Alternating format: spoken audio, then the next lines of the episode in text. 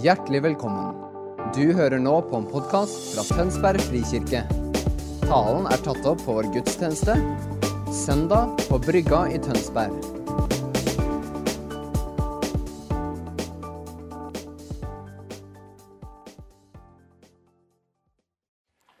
Eh, Før jeg begynner, så eh, kjenner jeg på at jeg skal ta opp litt igjen tråden av det som vi nettopp eh, var på. For under den nest siste sangen, som gikk på nærværet, så kjente jeg at det, skiftet. Eh, eh, må jeg si at eh, jeg er en sånn eh, ingeniørmåte å tenke på, så jeg føler egentlig veldig lite sånn. sånn. Eh, Det er andre som gjør det. Jeg er velsignet med den gaven. Det, så det skal litt til for at jeg begynner å kjenne ting. Og det gjorde jeg under den nest siste sangen. Eh, og så spurte jeg Gud liksom, hva er det du gjør nå.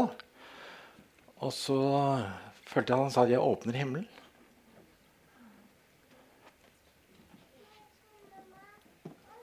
Kan du lure på er det noe som Gud gjør sånn av og til? og sånn?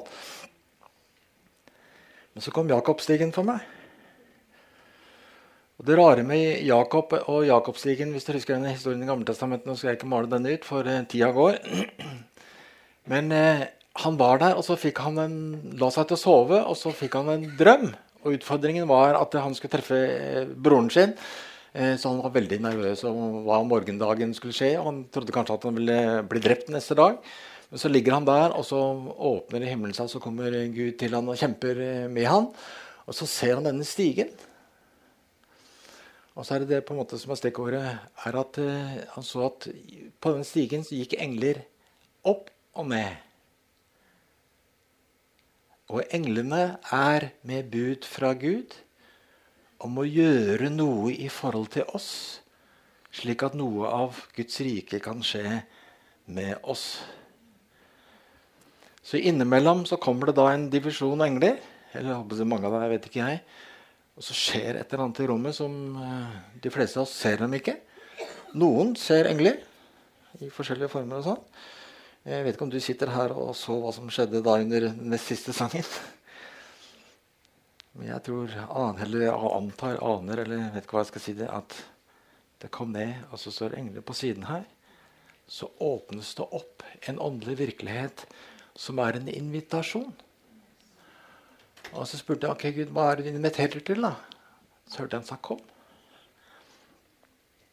Det er en åpen invitasjon til deg at du vender deg mot Han. Og så vil Han gjøre noe i livet ditt. Så Herre Jesus, vi takker at det dreier seg om deg. Og takker deg for alle englene dine som vi ikke skjønner så mye av. Men takker at du lar dem få lov til å være til nytte for oss. Og hjelpe oss i den åndelige virkelighet å ha noe med deg å gjøre. Herre Jesus, så ber jeg at du hjelper oss til å høre din tale inn i våre hjerter. Ikke våre hoder, men inn i våre hjerter, hvor du sier 'kom'. Så kan vi kjenne på den lengten, som kan være svak eller sterk. Så ber vi, ber vi øk den i oss, slik at vi kommer til deg, og så erfare hva du gjør i våre liv.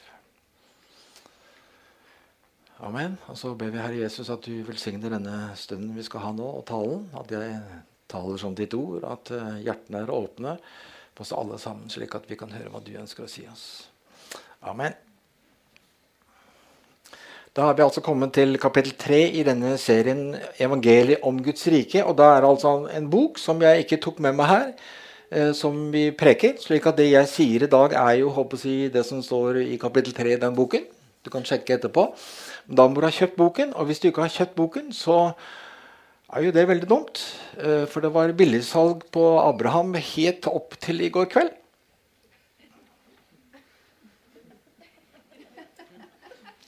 Satt den litt? Jeg vet ikke om det er nåde for Du, ta med i dag, ja, folkens. Dette her er et uttrykk for nåde over nåde. Rabattiden er gått ut, men løper du og kjøper rett etter eh, når vi er ferdige her, så kan du få den boken da til en rabattert pris. Anbefaler boken. Eh, Det er en fin måte å få med deg denne serien, som vi tror faktisk er viktig for oss. evangeliet om Guds rike. Forrige gang, søndag, kapittel 2, så ble det poengtert at forandring eller omvendelse først og fremst handler om at du snur deg mot Gud. Hvis du er vokst opp i tradisjonell kristenhet, som jeg regner de fleste av dere er, så har du lært noe annet. Du har lært og trodd at når du omvender deg godt nok, så kan du vende deg og komme til Gud, for da vil han ta imot deg. Det er ikke evangeliet om Guds rike.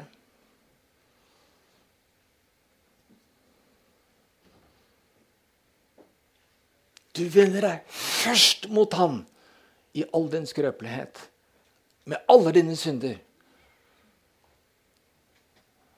Så kan du høre han sier, 'Kom i all din skrøpelighet og alle dine synder.' Og så begynner det å forandre seg ved hans hjelp. Det er et helt annet evangelie enn det vi vanligvis hører, at du skal forandre deg først. Jeg har hørt mange si, som ikke er eh, kristne, som sier at 'nei, det fikser jeg ikke', for det er altfor vanskelig å kunne leve som en kristen. Da har de ikke skjønt evangeliet om Guds rike. Det prekte vi av da sist gang. Det som er kapittel 3 Skriften overbeviser. Vi kan si at Bibelen er som et skattekammer. Det er ikke alltid like enkelt å forstå det, og det har du sikkert lagt merke til. Vår forståelse preges av det vi er vant med. Si det en gang til. Din forståelse er preget av hva du er vant med. Mer enn kanskje noe annet. Tar vi Jesus som et eksempel, og disiplene, så fortalte han til dem flere ganger om sin døde oppstandelse. Men det virket som om de ikke forsto det. Og hvorfor forsto de ikke? Jo, for de hadde et helt annet bilde av hva Messias skulle være. Enn at han skulle lide og dø for dem. Det stemte altså ikke med deres forestillinger eller hva de var vant med. Og etter Jesu død og hans oppstandelse så var de kanskje tvilende og også ganske forvirret. Og så møter vi dem da i Lukas 24, hvor Jesus er midt iblant dem. Og lar dem ta på ham fysisk og kjenne på, på en måte såret i hendene og i siden. Og vers 38-39 så leser vi Men han sa til dem, 'Hvorfor er dere grepet av angst?' Det burde de egentlig visst, det var jo helt opplagt. Og hvorfor våkner tvilen i hjertet deres? Se på hendene og føttene mine. Det er jeg. Ta på meg og se, en ånd har ikke kjøtt og ben, som dere ser at jeg har. Og så skal vi legge merke til at Jesus valgte å forankre denne åpenbaringen. for å si, bruke det uttrykket, Og den opplevelsen de nå hadde ved at de så ham fysisk, med hva Gud hadde sagt i Skriften. i Lukas 24, 44, altså litt lenger ned, så sa han til dem det var dette jeg talte om da jeg ennå var sammen med dere og sa at alt måtte oppfylles som så skrevet om meg i Moseloven, hos profetene og i salmene.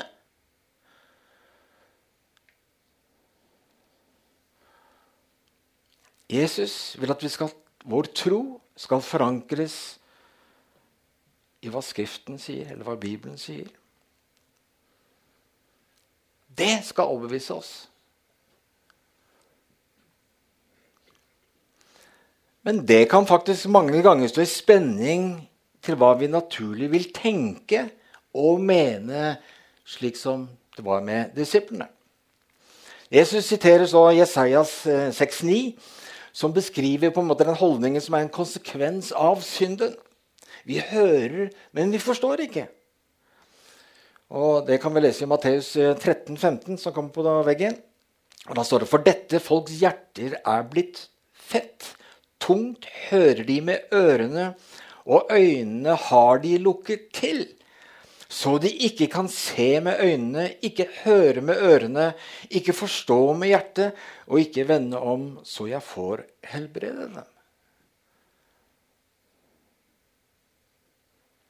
Det er altså en konsekvens av synden som gjør at alt det åndelige med Gud å gjøre er vanskelig å gripe. Så ser vi at Jesus kan gjøre noe med det. I vers 45 Da åpnet han deres forstand så de kunne forstå Skriftene.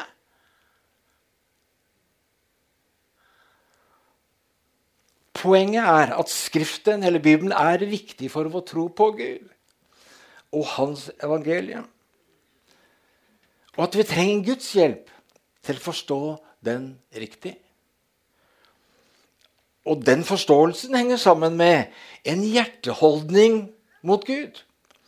At vi trenger ham for å forstå på samme måte som disiplene gjorde det. Du trenger altså mer enn din fornuft og din forstand. Du trenger Åndens hjelp. Så lovte Jesus dem hjelp fra himmelen. da. Ved Den hellige ånd som han ville gi dem, som Skriften hadde sagt. Lukas 24, 49. Og se, jeg sender over det, det som min far har lovt, men dere skal bli i byen til dere blir utrustet med kraft fra det høye. De skulle altså erfare noe som Faderen hadde lovt ved profetene. Det sto altså om det i Skriften.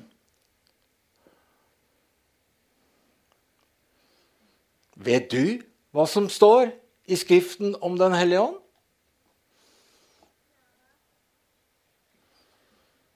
Vet du hvor det står? Det er mange kristne i dag som ikke vet det. De leser gjennom hele Bibelen gjerne, men ikke ser hva som står. Fordi vi er vant til noe annet.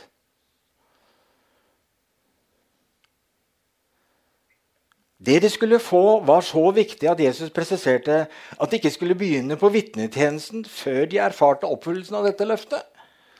Som altså da Faderen hadde lovt, som det sto om i Skriftene. Og Vi kan eh, så se at løftet om Den hellige ånd var knyttet til en spesiell dag, konkret da pinsedag. Og fra da av og utover er ånden forløst. På en ny måte som var helt annerledes enn i Det gamle testamentet. Så du kunne lure da, på pinsedag om dette var helt på avsporing. Om det var djevelen som kom og fant på sprø ting. Skulle forføre disse 120. For dette var de ikke vant til. Nei, men det sto i Skriften.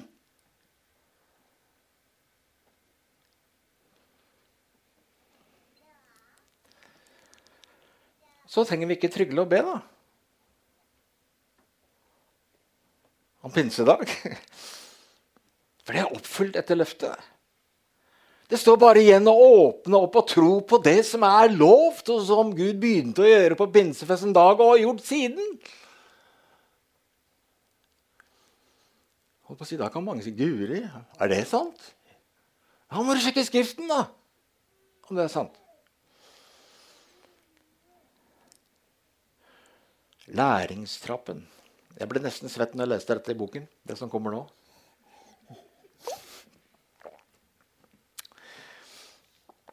Det er altså da forskjell på en kunnskap om noe og at vi har lært å leve det. Det har vi sikkert oppdaget. Jakob 1,22 sier jo dere må gjøre det ordet sier. Ikke bare hører det, ellers vil dere bedra dere selv.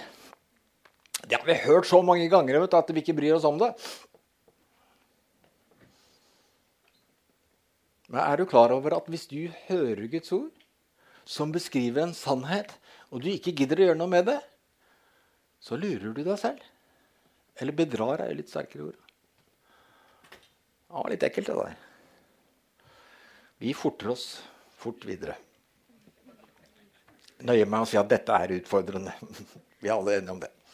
Men de fleste av oss har altså en tendens til å slå oss til ro med en viten eller kunnskap om noe. Bibelen taler derfor om kjennskap. At vi omsetter Skriftens ord til et liv vi lever. Da må vi lære nye ferdigheter. Altså Det må jo være en forandring til. Og For å lykkes med det er det lurt å forstå hvordan dette virker. Og Det kaller han altså kompetansetrappen. Det skal du få her. Se her, vet du. Har vi 1, 2, 3, 4 trinn. Og det første trinnet, da Dette er litt sånn psykologi. Vi tåler det. Første trinnet er ubevisst inkompetanse. Det er nesten så jeg ikke greier å si ordet. Jeg er uvitende om at jeg ikke vet noe. Du skjønner det?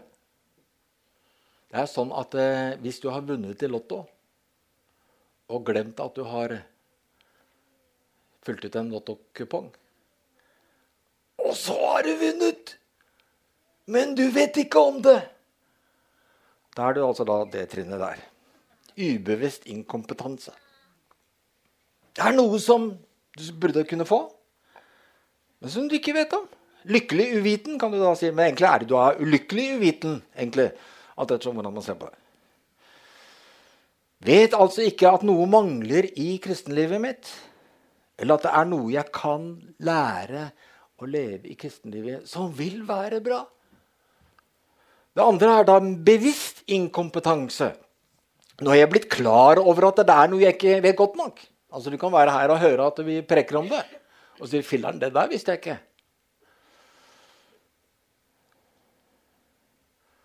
Det kan da være utfordrende. Faktisk også slitsomt å høre på. Også litt ydmykende. Jeg har vært kristen mange år, så nå har jeg ikke visst om dette her. Det skal litt til at du innrømmer det. Og så kan jeg fort føle på en måte en sånn standard norsk reaksjon. Du føler det som en annenrangs. Eller en B-kristen, kaller vi det. Det er veldig vondt. Du føler deg ikke bra nok. Og det kan føre til at du trekker deg unna. Det er en helt psykologisk enkel eh, mekanisme. Og dette er årsaken til at en tids vekkelse vanligvis står imot neste vekkelse eller fornyelse. Det ser jeg gjennom hele historien.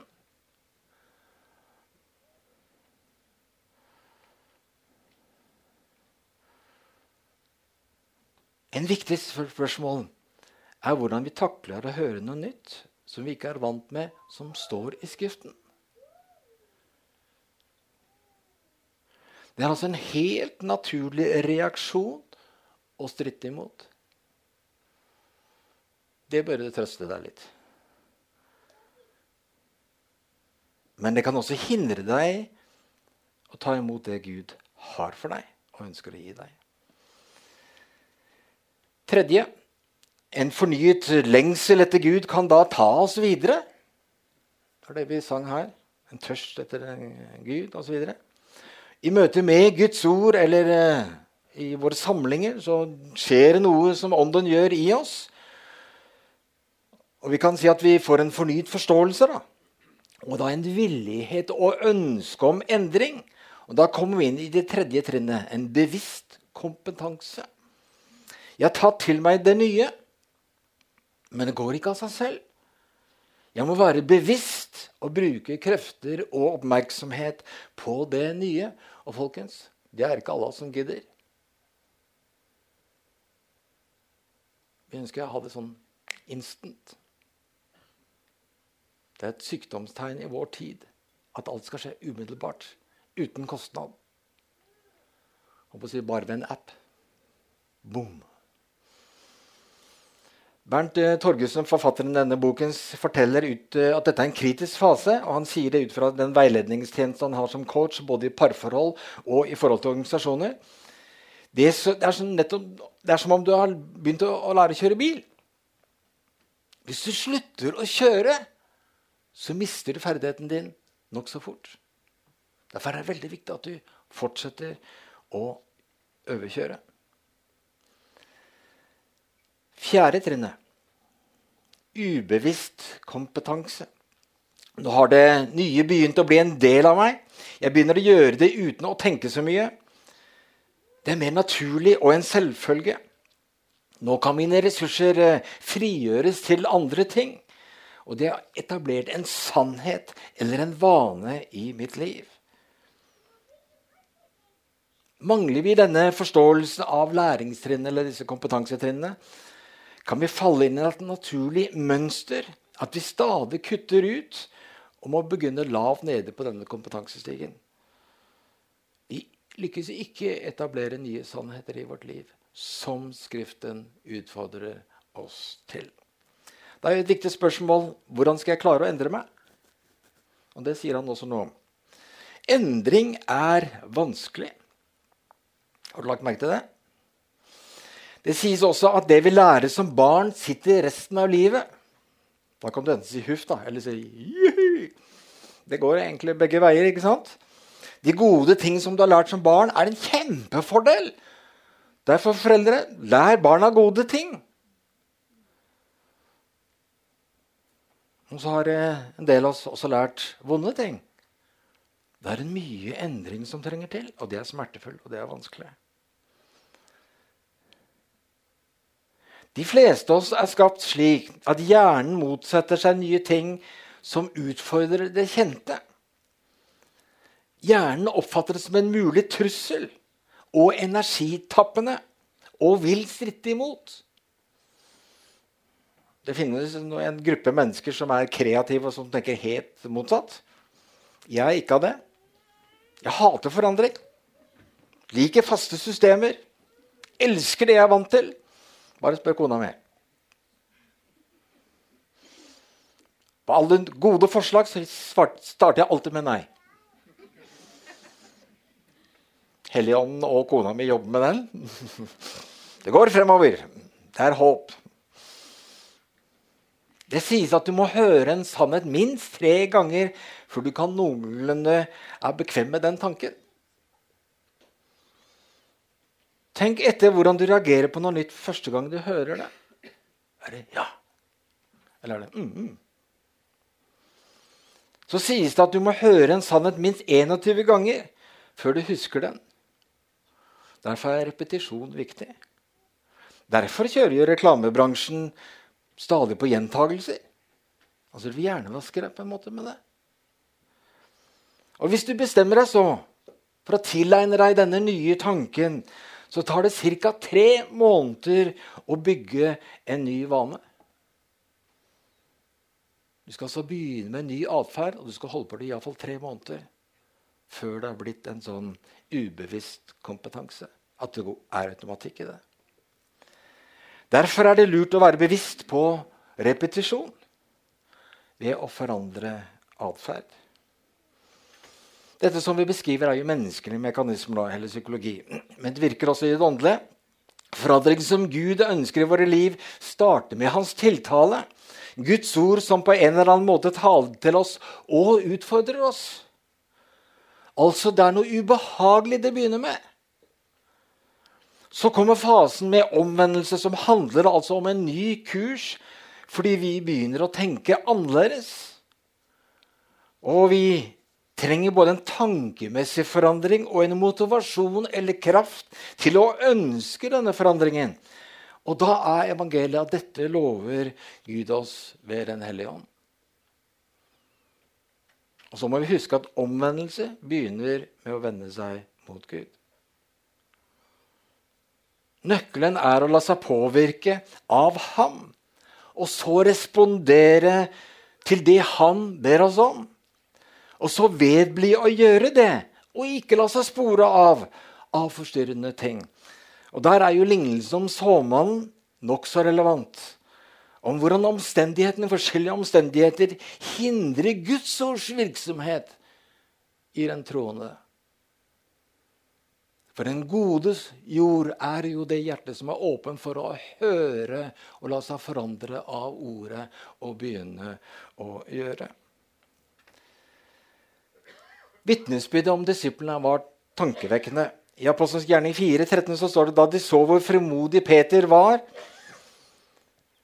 Peter og Johannes, og forsto at de var ulærde menn av folket, undret de seg. For de visste at de hadde vært sammen med Jesus. De gjorde altså forunderlige ting. De hadde ikke mye kunnskap, hadde ikke lest mye teologi osv., men de levde ut det Jesus hadde sagt dem. Du trenger altså ikke være smart hvis du bare oppfatter hva Jesus sier, og gjør det. De fikk noe fra Jesus. Hans ord, åndens kraft og ledelse Og det er en nøkkel hvis du ønsker å ha en endring. Å bruke tid med Jesus og søke Han gjør noe med oss. Det ga dem en tørst etter mer, selv om det kostet. Ja, forfølgelse. De fikk kjærlighet og vilje til å følge Han når de gjorde som Han sa. De var helt vanlige mennesker som deg og meg, men som ønsket å søke Gud og bli preget av Gud. Når vi så beveger oss oppover denne kompetansestigen, så må vi huske på at alt det som er verdt å gjøres bra, er verdt å gjøres dårlig i begynnelsen. Forakt ikke den ringe begynnelse. Kjempestor hemmelighet. Så kan denne temaserien om evangeliet om Guds rike virke fremmed for deg eller din erfaringsvirkelighet. Og det er helt ok, det. Så handler det om at vi kan åpne oss for hva Bibelen sier. Som kan være mer enn det vi har lært før eller erfart før. Og så er det siste delen er nødvendigheten om å arbeide med bibeltekstene. De fleste av oss er slik at vi leser inn i bibelteksten tanker og holdninger vi allerede har.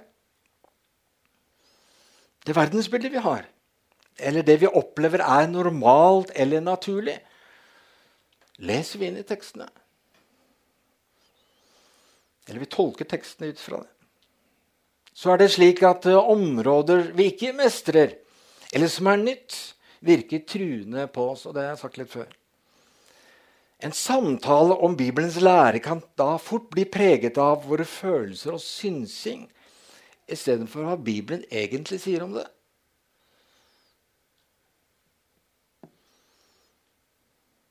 Skal jeg ture å nevne et omtålelig emne i vår tid? Hvordan tenker du når jeg sier homofili, samboerskap? Er din reaksjon ut ifra hva samfunnet og du er blitt vant med, eller en overbevisning om hva Bibelen sier om den, hvis den sier noe om det?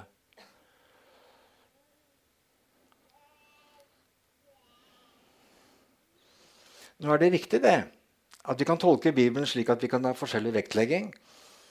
Eller til og med forskjellig standpunkt. Og det må vi ta med oss som en ydmykhet at vi alle ser stykkevis. Men vi alle skal prøve å finne ut hva Skriften sier. Ikke hva tidsånden sier, hva alle andre sier. Det er avgjørende viktig, forskjellen på de to.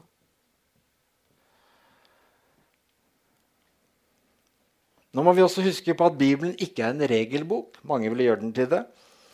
Den er skrevet inn i den virkeligheten mennesker befant seg i der og da. Og mange av Nytestamentets tekster er skrevet som brev som svar på konkrete utfordringer. Samme i evangeliene. Jesus svarte og underviste i den situasjonen folk var, som var samlet rundt ham i den situasjonen, eller det øyeblikket. Og Derfor vektla han forskjellige ting i de forskjellige tallene sine. Derfor, når vi ønsker at Skriften skal overbevise oss om noe, hvordan Gud tenker om ting, må vi la mest mulig av Bibelen tale til oss. Ikke bare se på et enkelt bibelvers som er tatt også ut av sin sammenheng. Da kan det bli mye rart. Forfatteren av boka ønsker derfor å la leserne av denne og den temaserien ta dem inn i en bredde i forståelse av hva Gud sier om Guds rike.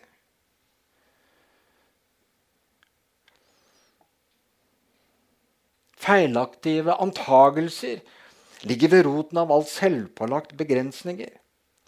Søker vi hva Gud har beskrevet i Bibelen, kan vi erfare Davids ord i Salme 119, 130. Dine ord gir lys når de åpner seg. Når de åpner seg, gir de lys. De lyser opp og gir uvitende innsikt. Det vi har sett på, er eh, at vi kan ha mange meninger om ting. Men det avgjørende er hva Bibelen sier. Videre, Vi opplever det, ikke, det vi ikke er vant med eller behersker, som truende. Det kan prege vår teologi mer enn hva Bibelen egentlig sier. Og så er det slik at all forandring oppleves som truende, eller som oftest som truende. Derfor er det vist at vi forstår hvordan vi lærer. Beskrevet som læringstrappen eller kompetansetrappen. Det er en økende forståelse at vi bygger vaner. Og siste er at Bibelen er ikke enkel å forstå. Den er skrevet med forskjellig vektlegging, til forskjellige mennesker, til forskjellige tider. Derfor er det lurt å hente forståelse fra hele Skriften. Paul sa det slik i 2. Timotius 3, 16-17. Hver bok i Skriften er pusta inn av Gud. Nyttig til opplæring, til rettevisning, veiledning og oppdragelse i rettferd, altså riktig liv. Så det mennesket som tilhører Gud, kan være fullt utrustet til all god gjerning. Gud ønsker å utruste deg til all god gjerning. Til ditt eget liv. All god gjerning i forhold til Gud. All god gjerning til alle andre mennesker. Og For at det kan oppfylles i ditt liv, må du si, forstå hva Skriften sier, og få det åpenbart inn i ditt liv. Gode Far i himmelen, vi takker deg for at du har gitt oss Bibelen. Den hellige Skrift.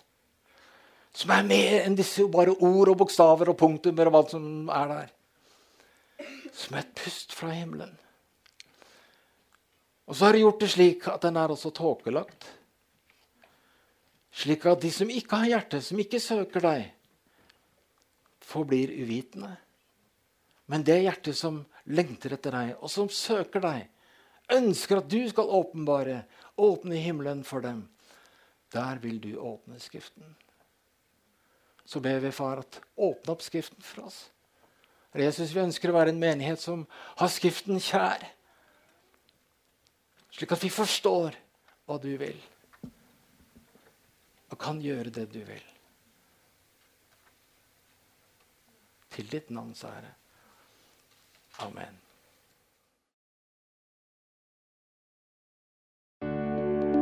Takk for at du hørte på vår podkast. Har du spørsmål eller ønsker du å vite mer? Søk oss på vår nettside tonsbergfrikirke.no. Du er også velkommen til kirke på Brygga i Tønsberg.